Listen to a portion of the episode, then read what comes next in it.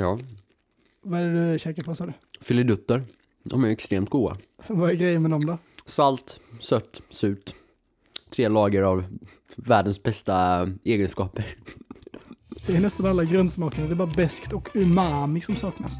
Just det, umami är en egen smak nu ja. Mm. Umami-burgare. Jag skulle vilja kategorisera alla hamburgare som en egen smak.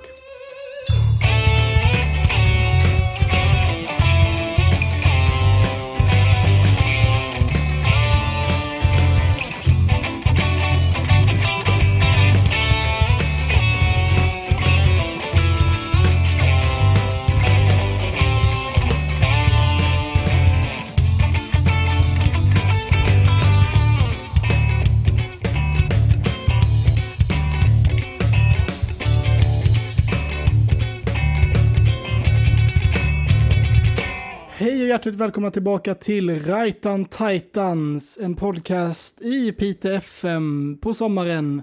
Eh, och vi är tillbaka efter nästan fyra veckors uppehåll. Ja, Vi, vi, vi varnade ju i förra avsnittet om att det skulle bli en liten lucka, eventuellt. ja men det är väl inte så konstigt heller med tanke på att eh, vi har sommarlov mer eller mindre. Ja, busy, busy, busy. Alltså man tror att man är ledig på sommaren, men det är så mycket annat att göra. Ja, och eftersom vi spelar in i Piteå så kan vi liksom inte alltid synka det där.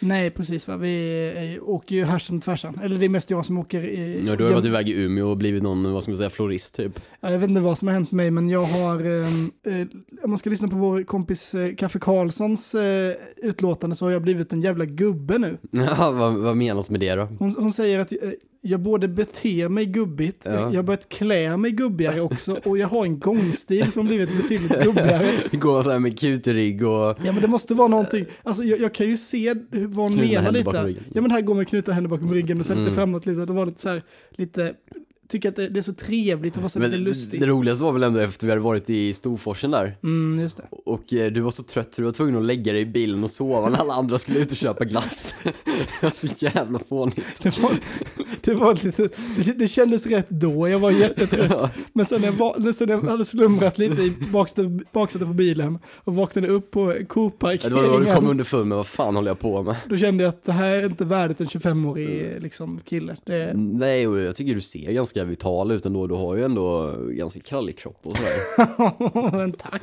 du är ju gammal re repstjärna också ju. gammal repstjärna. På tal om det, Mm. min syster tog ju SM-silver i dragkamp i helgen. Jaha, vad var de och tävlar för någonstans? SM-veckan i Borås. Mhm. Det är ju lite roligt med SM-veckan att ehm, det, är, det är ju som, man, man tar alla småsporter i hela Sverige, klumpar ihop dem i en enda stad Mm. och sen så vägs, så liksom så här, tillsammans kan de göra, vad, Skapa en egen Ja, tävling. De, de kan vara lika intressant som en, en, en, en enda tävling, en riktig sport. Mm. Men Så- får de betalt för det där eller? Nej, nej, nej, nej, det är helt ideellt. Alla Mm. de sporterna som är, inklusive dragkamp, är ju helt så här amatörsporter som har lite, Men man måste ju ändå lägga ner ganska mycket tid eh, för att bli så bra, tänker jag. ja men det är ju ingen skillnad liksom. Nej, nej, det är lite sorgligt. Ja men det är ju lite det som är ehm, lite skilja agnarna från vetet också. Ja. Att, att ehm, dels är det svårt att, att liksom tjäna pengar på det och dels är det ju så svårt att locka folk också till att vara med i en liten pyttesport som är bara så här obskyr, alla tycker man är antingen dum i huvudet eller en, en bondläpp eller någon sån här, Mm. något bara något weirdo som står här, typ håller på att kasta varpa eller Men vad var det för andra sport förutom dragkamp? Vet du det? Ehm, jag såg lite på sändningen från, eh, på nätet då. Då kollade jag på street basket. Det var lite grann. Jaha, med sånt som man brukar spela? Ja, Alltså på sommaren, som ja vi brukar precis, göra? precis. På man spelar Ja. på en korg. Ja, okej. 21 Eh, typ.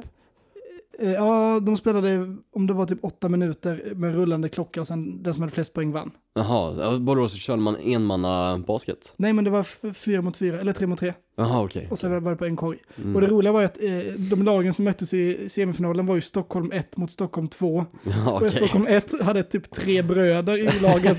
och, och Stockholm 2 hade en av de andra, en, en broder till de andra tre bröderna Ja, också. shit. Så det var så himla så här, det var, jag kände igen det så himla mycket från dragkampen, för där är det också så här, det finns eh, kanske så här sex eller sju bra klubbar i Sverige. Mm. Ja men både, både du och din syrra är tydligen väldigt duktiga i dragkamp. Så. Ja, det är väl, vi har väl trä- tränat och tävlat mycket. Och din pappa också. Han är också superduktig. Mm. Så det är väl någon sån där eh, familjegrej kan jag tänka mig. Ja men alltså det är svårt att engagera folk och dra in duktiga så här, talangfulla idrottare i, i en sport. Mm. När det finns så mycket andra riktiga sporter att träna, tävla, och träna i, typ hockey, där man kan åka till NHL och bli liksom miljonär. Ja, jag ska vara ärlig, jag visste inte ens att man kunde tävla i dragkamp innan Nej, jag precis. hörde din historia. Så, Så jag menar, det är, mm, det är ju lite, man måste hitta tjusningen i att liksom så här, harva på och inte få så mycket utdelning förutom på de här tävlingarna och få Mm. liksom så här, den inre kretsens eh, godkännande typ. mm. Men var inte du i Irland förra året? Eh, Nordirland var jag i, Nordirland, ehm, det var två år sedan nu. Ja. Men då fick du betala flygresor och allt sånt själv ju. Vi fick ju lite spons Ja, av, för, av förbundet och sådär. Och så har vi lite så här typ eh, kosttillskottssponsor och sådär. Mm. Men det är ju inget, ingen personlig sponsor, utan det är ju så här man får en liten, ett avdrag typ. Är det skattebetalarnas pengar som betalar det? Jajamän. Nej fy fan. Ska, de ha, ska ni ha era svin vad ni kan betala pengar för?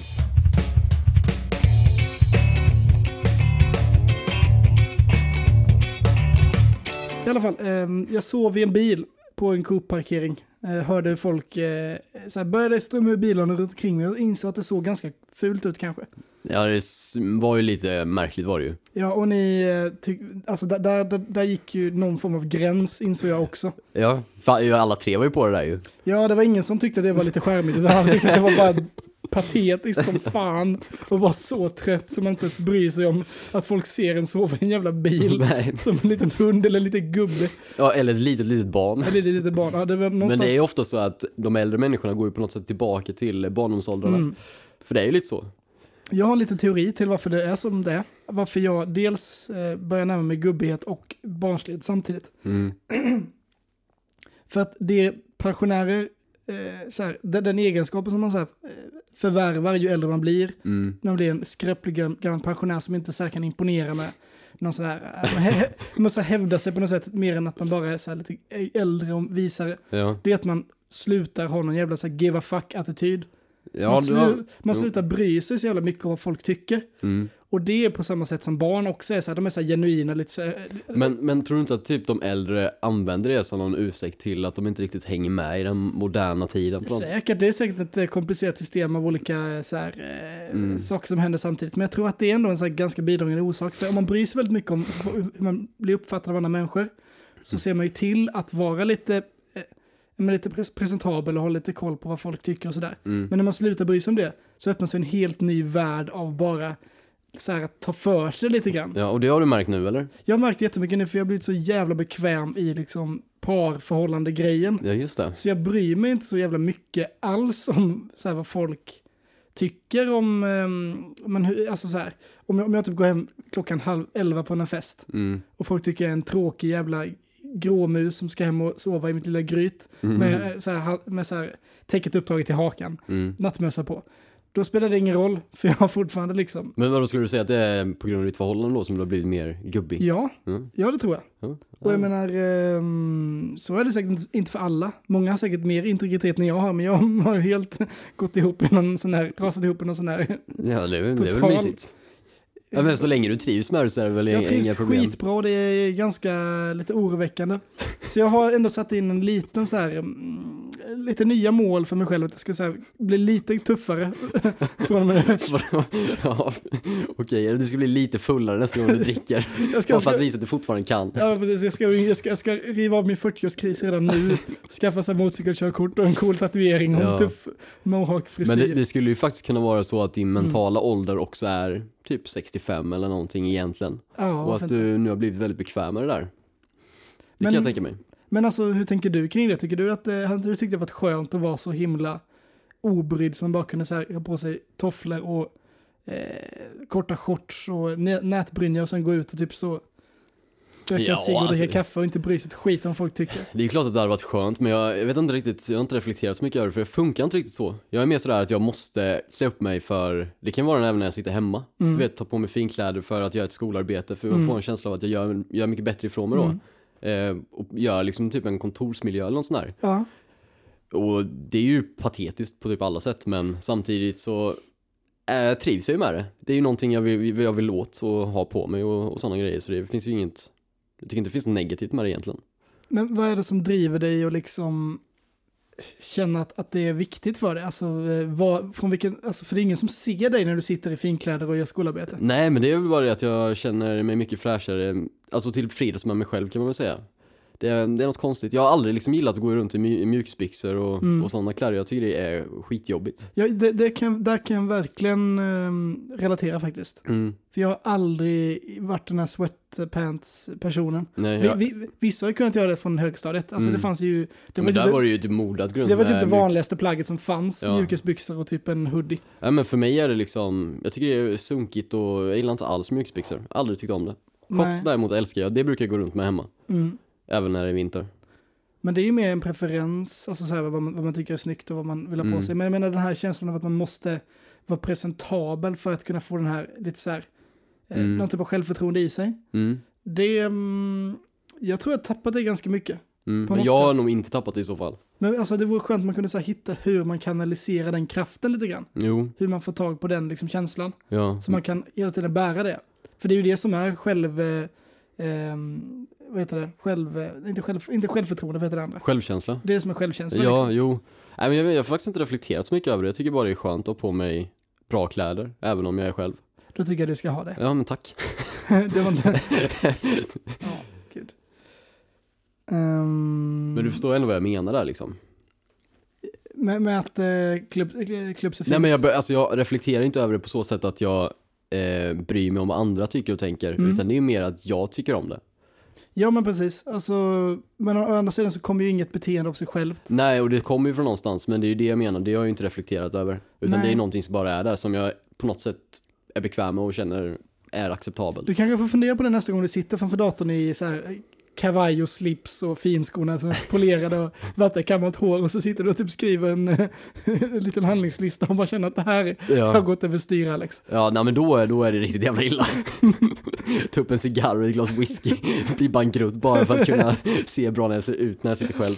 Ja, det har varit jävligt sorgligt. Men många har kanske det, för alltså, jag tror att både du och jag är ganska bekväma och ganska chill av oss i förhållande mot, snittet kanske. Mm, När det kommer till kanske utseende och eh, att, att kunna presentera en stil och kunna representera någonting med, sin, med det man har på sig. mm, Jag är nog kanske topp 5% mest obrydda. Mm. Egentligen, alltså jag har aldrig haft någon, eh, någon ehm, eh, ängslighet egentligen kring det. Och det är, ju, det är ju mycket för att jag varit en jävla tönt Ja. superlänge. Alltså det, det var ju, det var ju ett, ett tecken på att man var en riktig tönt, var att man inte fattade mode liksom. Hade på sig tyska kläder. Jag, jag, alltså, jag minns när jag var eh, kanske i 10 eh, 12-årsåldern Mm. så hade min mamma varit på någon sån här typ lager 342 eller vad det heter. 157. 157. jag kommer Inte ens nära, inte en enda siffra rätt. Jag gissade.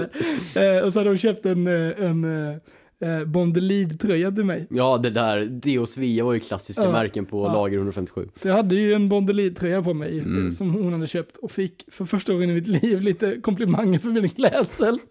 Och jag bara lät det rulla, jag kände att det var första gången. Men brydde du dig om det då? Jag brydde mig inte ett skit men jag tyckte det var, alltså jag, jag började få det lilla suget sådär. Jaha. Så efter det så började jag skaffa så här, typ, lite märkesjeans och sådär. Mm. För att det var den grejen man hade. Jo, jag förstår. Men jag var ju så himla självmedveten om vad det var som, som så här, sög tag i en. Mm. Det var ju den bekräftelsen att känna att, att, eh, att man inte bara hade på sig trasor utan man hade på sig nå- någonting som, var, Mm. som sa mer om en själv liksom. Jo, nej, jag förstår. Det jag kan ångra lite med min egna liksom, utstyrsel, om man ska kalla det, Mm. det är ju att jag är väldigt eh, basic i hur, alltså vilka plagg jag väljer att köpa eller ha i min garderob. Mm. Och det är ju oftast enfärgade plagg. Mm. Jag hatar ju mönster och sådana grejer, för det känns som att då sticker man ut mer från mängden. Så Ja. det är ju lite sådär att jag vill vara en del av den normativa klädseln kanske man kallar det. Mm. Ja men förstår, du vill, vara, du vill ha lite stilrent och lite mer så här, lite Mm. avskalat kanske. Jo, precis. Jag Men- vill, vara, men- jag vill vara som alla andra känns som. Mm. Men lite så det, jag, jag kan tycka själv ibland att det är väldigt tråkig klädsel samtidigt som jag inte tror att jag skulle passa alls i för rutiga mönster eller det som jag skulle då definiera som lite bohemiskt eller hipstrigt. Ja men alltså problemet är ju också att, att man, när man går ut och shoppar så får man ju eh, lite overload i ens, eh, menar, ens, in, ens intryck av vad man kan ha på sig liksom. Mm. Så man blir, man blir liksom så här, man blir lite blind för vad som egentligen är snyggt att ha på sig. Så ja, det är ganska ofta man köper fel plagg tycker jag. Mm. När man är ute och shoppar, man typ går ut och ser massa skyltdockor, massa eh, nya plagg och bara så här, och börjar snurra lite i huvudet bara vad, vad, vad hade jag velat ha på mig. Mm. Men då man- är det ju jättebra att vara basic i sin klädsmak för då funkar de ju alltid. Ja men då har man ändå så här safeat upp, de har inte köpt någon sån här eh, tröja med kanariefåglar och lite... Men det är ju det som är så jävla sorgligt också, att man är så safe hela tiden. Du vågar liksom inte riktigt sticka utanför ramarna. Det du hade behövt är ju en stylist. Ja, det hade jag definitivt gjort. Och, okej, Det har ju Kaffe Karlsson också sagt att eh, hon, eh, ja, hon tycker jag behöver en stylist när vi är ute och shoppar. Men alltså, eh, finns det någon, någon modeintresserad stylist som vill styla upp en modern, lite cool, slank, slank. 24-årig eh, man från eh, södra Sverige som är i Piteområdet och som kan eh, avvara en, en eh, helg? Så skriv in till podden. Det är rightandtitans.gmail.com Ja, eh, så kan ni få eh, ja, med lite spons. Kan sponsra med en, ja, en kaffe kanske. ja kanske. Jag vet inte. Jag tror inte att någon kommer mejla in dock, men kan jag hoppas. Eh, på tal om det här med shopping. Är du en shoppare? Mm, ja, faktiskt inte fram tills jag började plugga här, men nu är jag nog lite i alla fall. Vad gillar, Jag- vad gillar du att shoppa? Ja, men kläder. Nej, men det är väl mest t-shirtar, tröjor. Inte så mycket byxor har jag inte handlat. Eh, skjortor gillar jag att handla. Men alltså, eh, om, om du ska ut och shoppa en dag, Mm. vad, alltså hur ser, ehm, hur ser rutinen ut? Alltså går du själv eller? Nej, jag går alltid tillsammans med någon. Det är ju, Mm. Jag har ju en kompis här uppe som heter Robin, du vet vem det är. Ja. Han, är, han är ju väldigt, vad ska man säga, modemedveten. han, han är, har ju hittat den här balansen av att ha en jävligt snygg stil och en jävligt eh, avslappnad attityd till det. Mm. Han känns ju inte som att han är så jävla tryhard, även om man märker att han eh, har, Även om han förmodligen är det. Ja. men han är ju väldigt omsorgsfull. Jo, verkligen. Och han har ju fått upp mitt intresse lite. Mm, Så jag brukar oftast handla kläder när han är med. just det. Och då kan jag ju få lite råd och, och tips och sådär. Det, han är väldigt duktig på det. Ja, gud ja. Men eh, ja, Men händer det att du shoppar själv någonting? nej, aldrig. Väldigt sällan. Nej, för det har jag märkt är liksom det sämsta som finns. Mhm. För, alltså jag, jag har varit i, eh, i, i Umeå några, vid några tillfällen nu. Mm. Eh, för att Sofia ska iväg och göra lite grejer. Och sen så blir jag kanske avsläppt och så får jag klara mig själv på stan i tio timmar sådär. Sen så blir jag upphämtad sen som ett litet barn sådär. Eller någon gammal farbror. Någon... Ligger och sover på en bänk.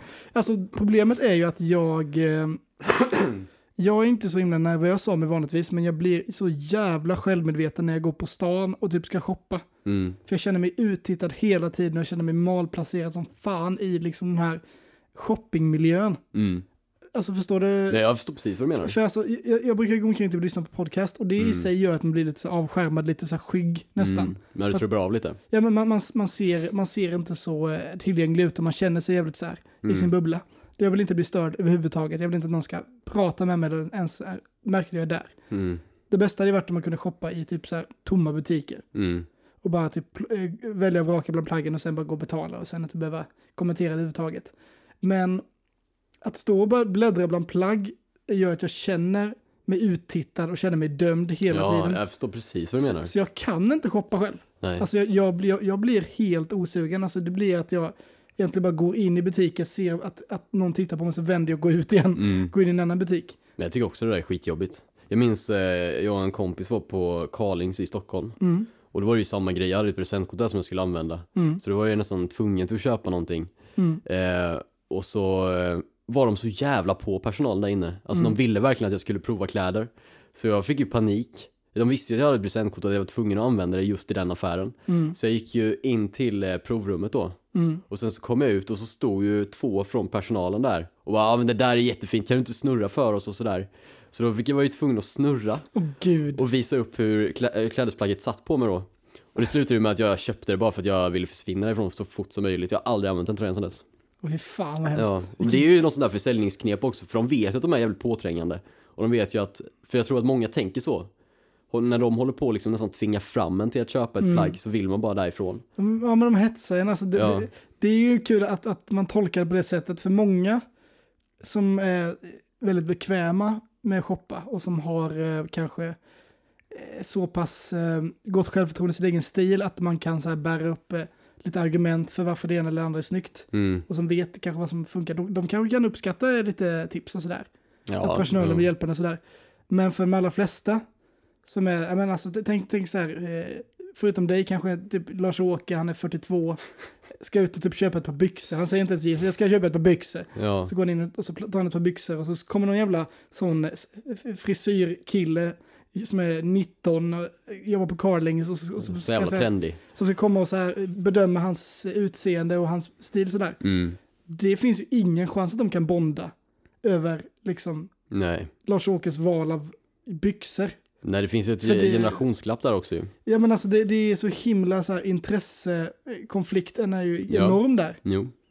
Att eh, det Lars-Åke vill är att ha ett par byxor som håller. Men det var ju, det var ju lite så jag kände. Jag var ju Lars-Åke på Carlings där ju. Mm. Och jag fick ju panik. Jag, jag, jag är Lars-Åke på hela jävla stan alltså. Ja. Jag, jag, jag kan kanske gå och köpa en kaffe och sitta på ett eh, café och gömma mig i ett hörn typ. Mm. Men jag menar det märkte när jag, var, när jag gick eh, i typ Umeå och hade typ så här åtta timmar att slå ihjäl. Var ju att jag eh, tenderar att halka närmare och närmare ett bänkalkisbeteende. Mhm. För att jag inte vill, eh, alltså jag vill vistas typ, sitta ute på en bänk hade varit skitnice. Och det hade varit nice att dricka en öl. Mm. Det är typ det enda jag- jag vill göra. Men klockan är typ så här tre på eftermiddagen, man kan inte gå och ta en bärs någonstans. Nej. Det är omöjligt. Men det är också en sån där grej ju. Är du själv går och tar en bärs klockan tre, då är det också någon sån här grej att man tänker att nu kommer ju folk tro att jag är någon jävla alkoholist. Ja, jag har aldrig kunnat gå in på en, eh, Nej. på en eh, pub dagtid och köpa en öl. Nej, inte, ju- inte när man är själv i alla fall. Nej, Nej, det håller jag verkligen med om. och det är ju så här, det är en sån jävla begränsning i en själv. Alltså hade, man, Mm. hade man varit lite mer, hade haft lite mer eh, liksom självkänsla så hade man kunnat göra det. Mm. Och bara känna att man kan bära upp det. Och Men det är, ju- jag tycker det är ganska sorgligt på något sätt att man anpassar sitt beteende så mycket efter Mm. vad som anses vara normalt. Jag säger, det är ju inte normalt att ta en öl klockan tre en dag, men någon dag så kanske man är väldigt sugen på det och har den tiden. Ja, alltså det är väldigt sällan jag har liksom tio timmar själv Mm. på en, i en stad som jag inte varit i. Nej, Och Jag menar, vad fan, då, då, kan man väl unna sig. Men jag, det tycker jag definitivt. men jag, men jag det, känner mig så jävla okaxig mm. i, liksom, i den situationen. Däremot så tycker jag faktiskt att gränsen går om du kör, går in och köper tre femmer på ja, någon affär och sen sätter dig på en parkbänk. Jag var så nära att göra det. Ja, var så men nära. det är ju så många andra grejer som spelar in där. Det är ju liksom själva miljön och Mm. ja. Nej, det, det hade jag faktiskt inte köpt. Det hade jag aldrig gjort. Nej, men jag, men jag kände att hade, hade jag haft en timme till där så hade jag jävla satt mig jämte Gurra och Bulten vid, på en jävla bänk utanför. så hittar du flickvän dig domkyrkan. sen sovandes på bänken tillsammans med Burre och de andra. Jag bara, det gick åt helvete Sofia. Kläderna är i trasor, jag menar, mina ägodelar i en plastpåse. Sofia dra åt helvete. Låt mig vara. Nej. Jag vill inte köpa något på Carling.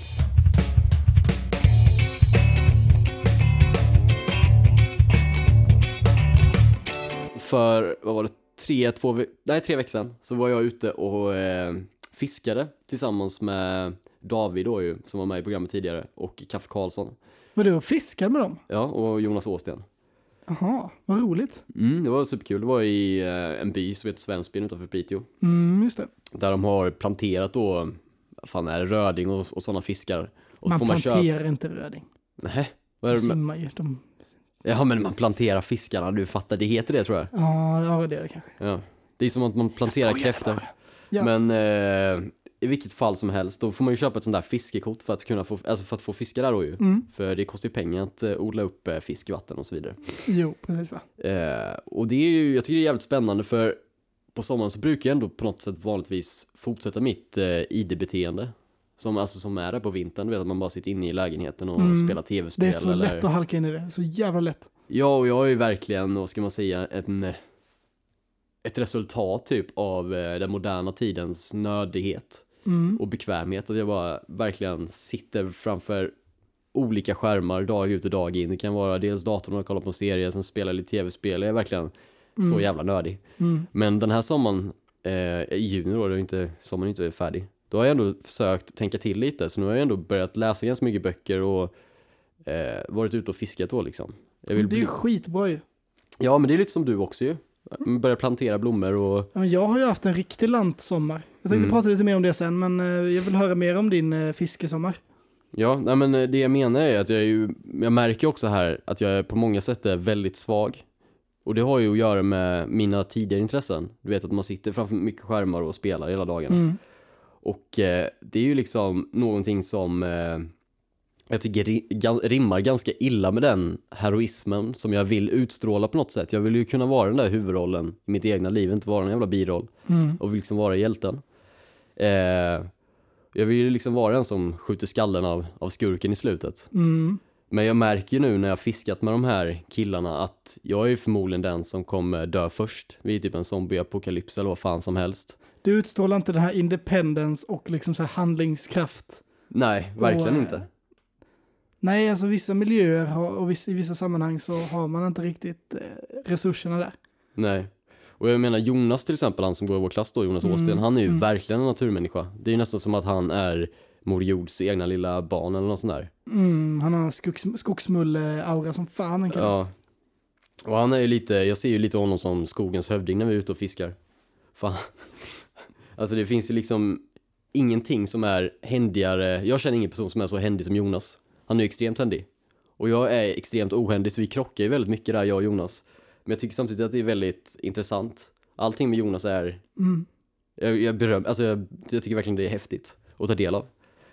Eh, så på något sätt så vill jag ju bli en, vad ska man säga, apokalyptisk krigare. Jag vill ju liksom kunna klara en sån här zombieinvasion eller Mm. om det skulle hända någonting. För eh, jag kommer ju någon dag skaffa ungar och då måste jag ju försvara dem. Ja, Och det märker jag att så ohändig som jag är kommer jag ju inte kunna, jag kan inte ens sätta in en glödlampa liksom. Det är på den nivån. men känner du att du har så här mindervärdeskomplex över att du inte har, alltså, har den här praktiska förmågan som vissa har? Mm, ja men det gör jag nog lite. Ja. För, för, för det har jag också reflekterat jättemycket över, att det är en sån, en sån fana som så här, eh, så här fadersfigurer Mm, i vår föräldrageneration har kunnat bära med sig jävligt mycket. mm, Att pappa kan alltid typ pumpa en cykel eller eh, Mm. sti- spika upp en altan eller vad fan det kan vara. mm. Alltså det här att, att man har det med sig och man, är, man kan bära det med sånt självförtroende liksom. Ja, Men eh, vår generation har ju inte den traditionen men vi har ju alls inte behövt den heller. Nej men alltså, så det menar, kommer det komma något, som sub, något substitut för den förmågan som blir den här nya manligheten eller kommer man Mm. och tvingas så här, paniklära sig och snickra i så här 30-årsåldern för att Men innan var det lite sådär att det var typ töntigt och anlita någon sån här byggfirma för att bygga någon simpel Ja men det är ju superfjolligt ju. Ja, men det det, känns som att det har blivit mer acceptabelt nu. Ja men alltså det måste ju bli någonting av det. An- Antingen, Ja. antingen måste det bli eh, normativt att vara lite ohändig och ha andra egenskaper eller måste alla datornördar lära sig och, det, det och liksom fiska. jo men precis, men det jag menar är ju att vid en apokalyps då, då har du Mm. inget annat val än att liksom leva på det naturen har att erbjuda. Nej, där gäller, Och gäller där måste du ju liksom ha vissa egenskaper som jag saknar då förmodligen. mm, där kan du inte leja in en fiskare riktigt. Nej, och jag märkte ju liksom då, för Jonas skulle ju lära mig fiska. Eh, och då visade han ju till exempel hur man eh, flugfiskar då ju. Mm.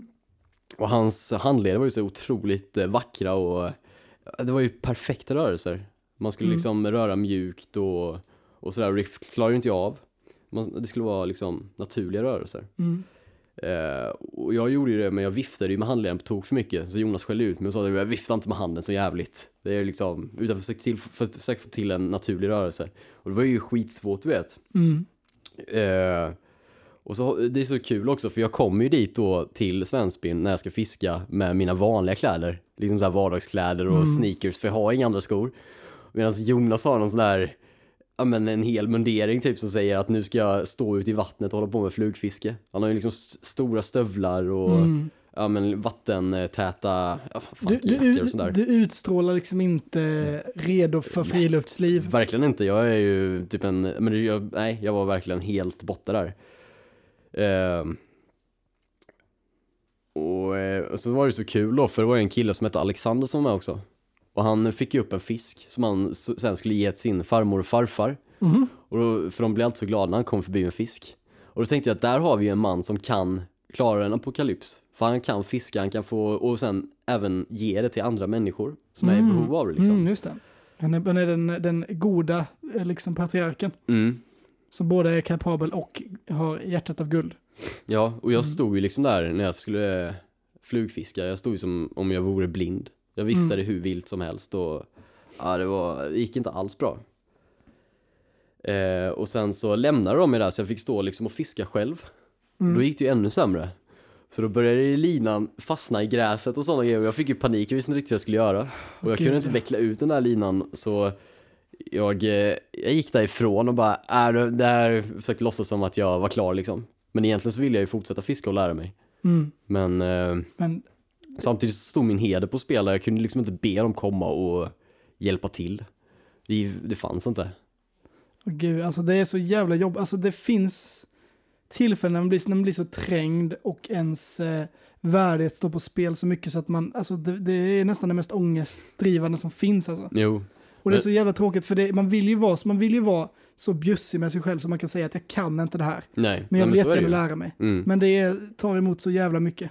Ja, det är ju jävligt korkat att du inte be om hjälp liksom. Ja, det är ju det. För Och då har, jag, jag har aldrig fiskat tidigare, inte på det sättet i alla fall. Och speciellt inte flugfiske och det är ganska avancerat vad jag fattar det som. mm. Eh, Nej, men det är klart man måste få vara nybörjare, men det känns, alltså när det, när det kommer till att vara en vuxen, framförallt en man kanske, mm, och någon ber en göra en enkel händig grej som man inte gjort tidigare, mm. då är det som att man försöker i sitt inre framkalla någon sorts instinkt som man aldrig har haft. Nej men För det att är veta så är exakt det hur verkligen. man Jag ska- känner mig så otroligt Hur svag. man ska få upp det här jävla taklampan eller så här, skruva upp det här doslocket eller vad det kan vara. Men jag är ju livrädd för den dagen när jag kommer ha en familj och ska behöva snickra IKEA-möbler och vad fan som helst. Mm. Jag kommer inte fixa det där.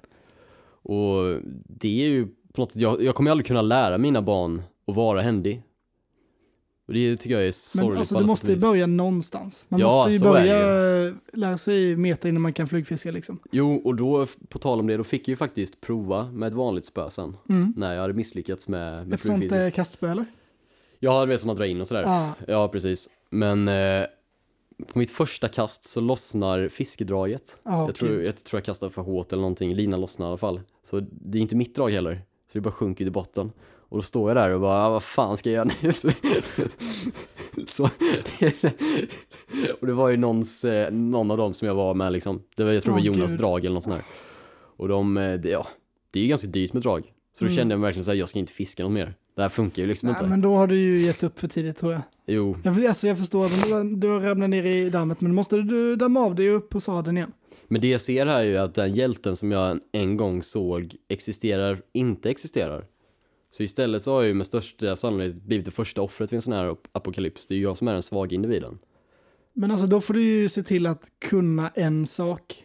Typ du, du kan eh, spränga dig själv i en hord med zombies. Om du ändå Mm. kommer dö först så kan du ju dö, go out with a bang lite grann. Jo, men det, det sorgliga är att jag ser ju liksom hur mina, mina barn och min fru och, och resten av den gruppen som är med i liksom själva apokalypsen, hur de applåderar när jag dör för att de tycker det är så jävla skönt. Det blir ju fett konstigt när, när, när, när du sitter med fru och barn Ja, i soffan och så ser du på nyheterna att äh, zombieapokalypsen har brutit ut. ja då Och du får jag direkt, panik. Du direkt går hem till din jävligt, springer ut och spränger dig Det är själv. också jävligt illa när ens egna barn blir överlyckliga över att zombiesen äter upp en.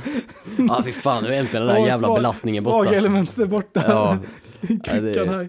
så det, det är en dag jag fasar över. Gud, ja. Att vi någon gång kanske ska behöva leva på konservburkar och, och andra förnödenheter som kräver på något sätt, nu är inte konservburkar någonting som kräver händighet, men Kan du öppna En en, konservburk? ja, det kan jag göra. Det är väl min grej i så fall. Men då kommer du klara det jättefint. Men alltså jag menar, Jag kan inte göra upp eld. men- även i en apokalyps så kommer ju tekniken att vara i fatt, liksom. den kommer ju också utvecklas.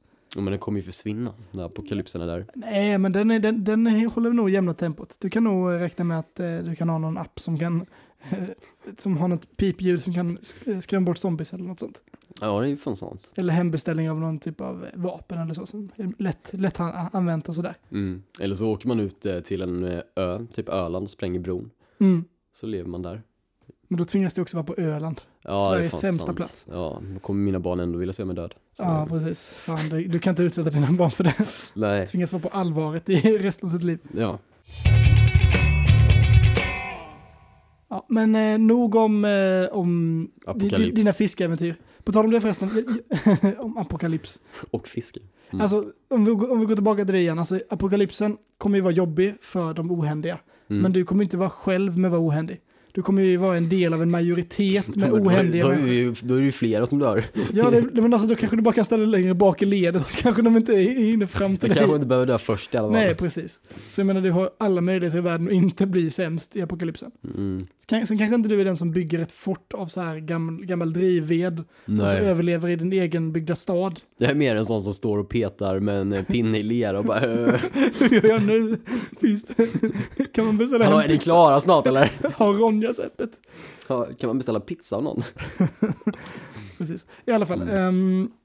eh, du har levt lite så här sommarliv. Mm. Jag har ju definitivt gjort det. Mm. Eh, jag har bott eh, kanske sammanlagt två och en halv, kanske tre veckor i eh, mina svärföräldrars sommarstuga.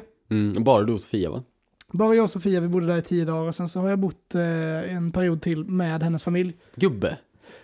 Alltså det, det är ju så jävla sjukt för jag är ju, jag är ju från, eh, från obygden va, Mm. eh, små, småorten va sådär. Men jag är ju ingen eh, lant, lantmänniska. Nej. Och mina föräldrar har ju haft eh, attityden att eh, typ sommarstuga är jävligt onödigt att ha. Vi har, Mm. vi har alltid typ haft eh, husbil när jag var liten. Mm. Så klämde vi in oss allihopa så åkte vi ner typ genom Europa. Mm. Då kunde man eh, putta runt på, på liksom autobahn i tre dagar och sen så var man nere typ i Italien. Mm. Så kunde man semestra där. Det är ju svinnice. Mm. Så varmt vatten, kritvita stränder, liksom god barnvänlig mat. Man bara kunde så här bo billigt i sin eh, husbil liksom sen putta tillbaka. Att liksom så här, har man, har man mobila sommarställen så behöver man liksom inte bo på samma ställe hela tiden. Nej. Och det, det har jag liksom tänkt att det make mycket sense. För man ser nya saker hela tiden, man kan liksom så uppleva nya Mm. platser och... Men finns det inte något stressmoment i det där då? Att hela tiden vara ute efter något nytt? Jo, det kan det väl göra. Jag menar, har man små barn så är de ju inte så jävla sugna på nya saker. De gillar ju kanske trygghet Mm. på ett annat sätt. Jo. Men jag har ändå, ändå så förstått tanken med Mm. att man hellre väljer en husbil än, än en sommarstuga som man måste sköta om. Mm. Men nu har jag helt svängt i det. Okej. Efter att ha bott i sommarstuga en enda gång i mitt liv nu så har jag sett alltså, alla fördelar som finns med att ha ett sommarställe. Alltså. Och vilka är det? Ja, men man kan ju, för det första har man sitt eget place. Mm. Och det är så jävla mycket värt. Alltså man har sin egen stuga, sin egen tomt, sin egna, eh, sitt eget land. Man kan liksom så här, alltså det är, man, man känner sig som, alltså den här arketypen av att åka ut på vischan i USA Mm. och se så här, sitter gubbar med hängselbyxor på en så här veranda Mm. med en sån shotgun och en, eh, ett glas med hembränt liksom. Mm. Så här att de, man kan säga en förtappad jävla bondläpp som sitter på sin veranda och bara så här häckar hemma. Är det den Alltså, bilden du har haft? Det är, det, är, det är sån idyll. Alltså man fattar inte vilken idyll det är att Nej. vara den bondläppen som bara sitter så här och vaktar hus. Ja men det här är min mark typ. Det är så jävla Mm. nice att Mm. ha sin mark på något sätt. Men är det inte något sån där händighetsgrej också? Det känns lite som det. Det är det, men, Att men ha en sommarstuga. det är mycket händighetsgrejer. Men jag menar att ha sitt eget, sitt eget hus med alla sina egna grejer är ju jättemycket mer kravlöst än att som du låna en kompis fiskespö och fiskedrag och sen skicka ut det mitt ute i sjön. Mm. Om man har sina egna grejer så man kan provsnickra en altan. Mm. Då är det ju, alltså det är vem fan ska säga till det att det blev snett? Vad har du gjort det menar du eller? Nej, det har jag inte gjort. Men jag menar, så här, vi, vi har ju typ odlat grönsaker för första gången i mitt liv. Mm. Det blev kanske inte skitbra, men det blev någonting och det blev mitt Men det gick eget. att äta liksom. Det är på väg, ja, men ja Mm. visst. Det kommer bli supermycket grönkål. Satt en hel, en hel pallkrage med det. Gubbe. Vad fan. Men, men, men jag menar, det är ju... Det har ju sina egna finesser lite så här. Att, att, att bo ute på landet och sådär och typ så här, bära vatten och sådär och ha utedass, hur man sköter det och håller det liksom Fan. rent och fint. Men alltså jag tyckte det var, allt det där var superhärligt och Till och med dasset. ja, till och med dasset var härligt. Ja. Har du, har du bott i sommarstuga någonting? ja, vi hade ju en sommarstuga uppe i Dalarna. Jaså? Eh, när jag var liten. Ja, men vi sålde den när jag, vad kan det ha varit, för typ fem år sedan kanske. Okej. Ja. Så det har jag gjort. Men då var det ju också sådär, men då, vi hade ju inget dass, Nej. tror jag inte. Nej, vi hade, en, eh, vi hade ett stort hus liksom. Mm. Och sen två mindre hus som man delade upp familjerna i. Och i Okej. det stora huset fanns en toalett, så det var ju den man använde liksom ifall Mm. man skulle bajsa eller sådär ju. Mm, just det. Och sen var man kissnödig så brukade jag faktiskt kissa i gräset. Det fick man göra där. Ja. Mm. Men det, var är- mysigt. Det är ju en känsla i, i sig. Gå Mm. ut och kissa i en buske. Jo, Bara blicka över, över ängarna liksom. jo men det är det ju. Och sen handlade det om hästar och sånt där. Det var ju Mm. inte våra hästar men de gick precis runt stugan. Så det Mm. var jätte, ja, men det var jättemysigt. Det är ju mysigt som fan och det är så himla mycket som är på ett annat sätt. Men jag tror jag hade uppskattat det mycket mer nu än vad jag gjorde när jag var liten. För jag Mm. tyckte att det var ganska segt att vara där. Mm. Jag, eh, Kunde, kunde man bada? ja fast inte, man var tvungen att åka en bit. Okej. Det var inte sådär att man bara kunde gå och bada från stugan. Utan man var tvungen att antingen cykla eller ja, ta en bil. Så det, ja. Ja, men då kan jag förstå att det är segt. Men som Mm. vuxen nu så, så är det ju liksom, jag har ju styrt om mitt fokus lite vad jag, några långsiktiga mål. Nu har jag ett långsiktigt mål i huvudet att jag ska skaffa en sommarstuga. Mm, Det kanske inte blir om ett år, men det kanske blir om fem år. mm, Vem vet, liksom. Och det hade varit så supernice, känner jag just nu. Alltså det, det är liksom så här, det jäckar mig mycket mer än typ att flytta in i någon, eh, köpa en lägenhet i någon stor stad eller sådär. Ja, men min pappa har gjort det nu. Han Mm. har ju köpt ett torp utanför Växjö. Mm, Eh, för han är ju så jävla trött på Stockholm. mm, Tycker att det liksom är eh, ja, men lite för stressigt och, och sådär. Och nu Mm. när han har det här torpet då kan ju han ju ja, men anpassa sig, ja, men vara sig själv liksom, vad man ska kalla det. Mm. Han kan vara ett med, med stugan eller torpet och pyssla om det på det sättet som han vill. Ja, precis.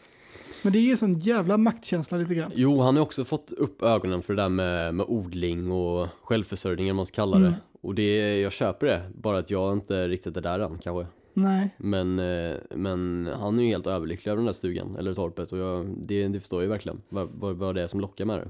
Ja, jag är helt på din pappas sida faktiskt. Men jag, jag skulle nog bli lite för rastlös tror jag. Ja, alltså jag är inte så sällskapssjuk sådär, så jag, jag kanske klarar mig med att vara lite isolerad på landet på ett annat sätt än vad må- många kanske gör. Mm. Ehm, men, men jag menar, nu har jag tagit mina första stapplande steg mot eh, någon typ av eh, så här, men lite så här lant-know-how. Mm. Men det var ju lite jobbigt så här i början när man inte riktigt fattade. Är det, alltså så här, det är ju lite finess med typ göra en öppen brasa typ. Mm. Det är ju inte så svårt, men, eh, men om man inte riktigt Jag vet. vet inte hur man gör. Alltså det, man ska inte peta in lite vedklabbar, lite, in med lite tidningspapper. Det jag vet är att man ska ha näver för det brinner väldigt bra. Ja, eller typ tidningspapper kan man också. Ja. Så det får lite värme och sådär, lite Mm. glöd. Alltså, men så här, när, när, jag, när jag- var ensam hemma en eh, förmiddag, Mm. så var det lite, lite kallt i stugan och sådär, så satte igång en eld. Kanske lite för mycket brasa för att vara så dags, för det, solen började steka på och sådär och det började bli så här ett på eftermiddagen och så var det 32 grader inomhus Wow. typ. Satt in i shorts och t-shirt och så här så svettades i ett sånt mörklagt rum. Och så kommer ju eh, min flickväns morfar till stugan plötsligt. Mm, mm.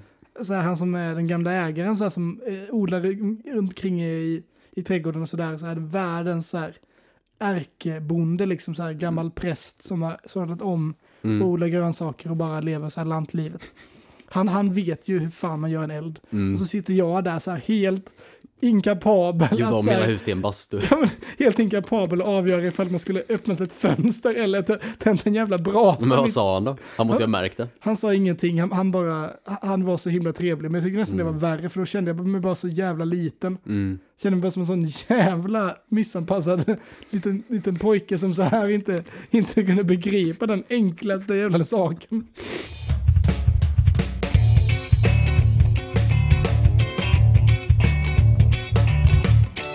Ska vi eh, sätta punkt för idag? Det tycker jag. Jag tyckte det var ett ganska mm, avslappnat och bra samtal idag. Ja, det var kul att vara tillbaka igen, få lite rutin. Ska vi se att vi sätter... Det var eh, väldigt eh, icke-manusbundet eller vad man ska kalla det. Det var det, Mm. precis. Eh, vad hände i veckan? Jobb. Jobb, jobb, jobb. Nej men imorgon ska vi ut och supa ju. Ja, då, då, då är det faktiskt... Eh, Då är, då är det inte gubben Daniel längre utan nej, då är det fan ungdomen Daniel. Jag ska ta på mig kepsen och åka fram och ska dra upp byxorna riktigt högt på När, när kvällen är slut så ska både du och jag ha gjort en sån där tribal tatuering. Ja, jag ska, ska köpa en motorcykel och så ska Ja. jag spela bort mina pengar i Och så blackjack. ska vi skicka in en ansökan till Paradise Hotel. Sån jävla kris, så Ja. himla deppigt. Ja, då hade jag blivit besviken på mig själv om jag hade tappat mig själv så jävla mycket. Ja det har varit ganska svagt faktiskt. Paradise Alex, Paradise Daniel. Mm. Fan, se man kan ragga brudar genom att kunna tända en brasa och flugfiska. kan, du, det tror jag att du åker ut ganska snabbt faktiskt. kan du visa hur mycket du kan sitta vid datorn? Jag kan sitta vid datorn och sen så kan jag knulla. Jag har läst 12 böcker, ska knulla. Jag läste 12 böcker och alla de är magasin från Playboy. Du kommer bli nörden, Ja. bo, bokmalen i Paradise Hotel. Så du, du får ha det som, som din... Och bara läst Playboy magasin. Och de tycker att det är så jävla intelligent. Åh oh, jävlar, det Einstein eller pluggis jävla P.O. Engström? Fan, gå hem. Kan ju allt om ju häftig ju. ja. Du läskunnig jävla nörd. Kan du läsa? ja. Gud. Vi ska inte häckla Paradise Hotel idag, de är säkert jättesmarta allihopa. Allihopa behöver du kanske inte. Men vissa då, någon Ja men vissa är ju Ja, eh, innan vi förolämpar för många folkgrupper så kan vi väl tacka för idag. Ja, det tycker jag. Hej då Alex. Tack. Hej, hej, hej.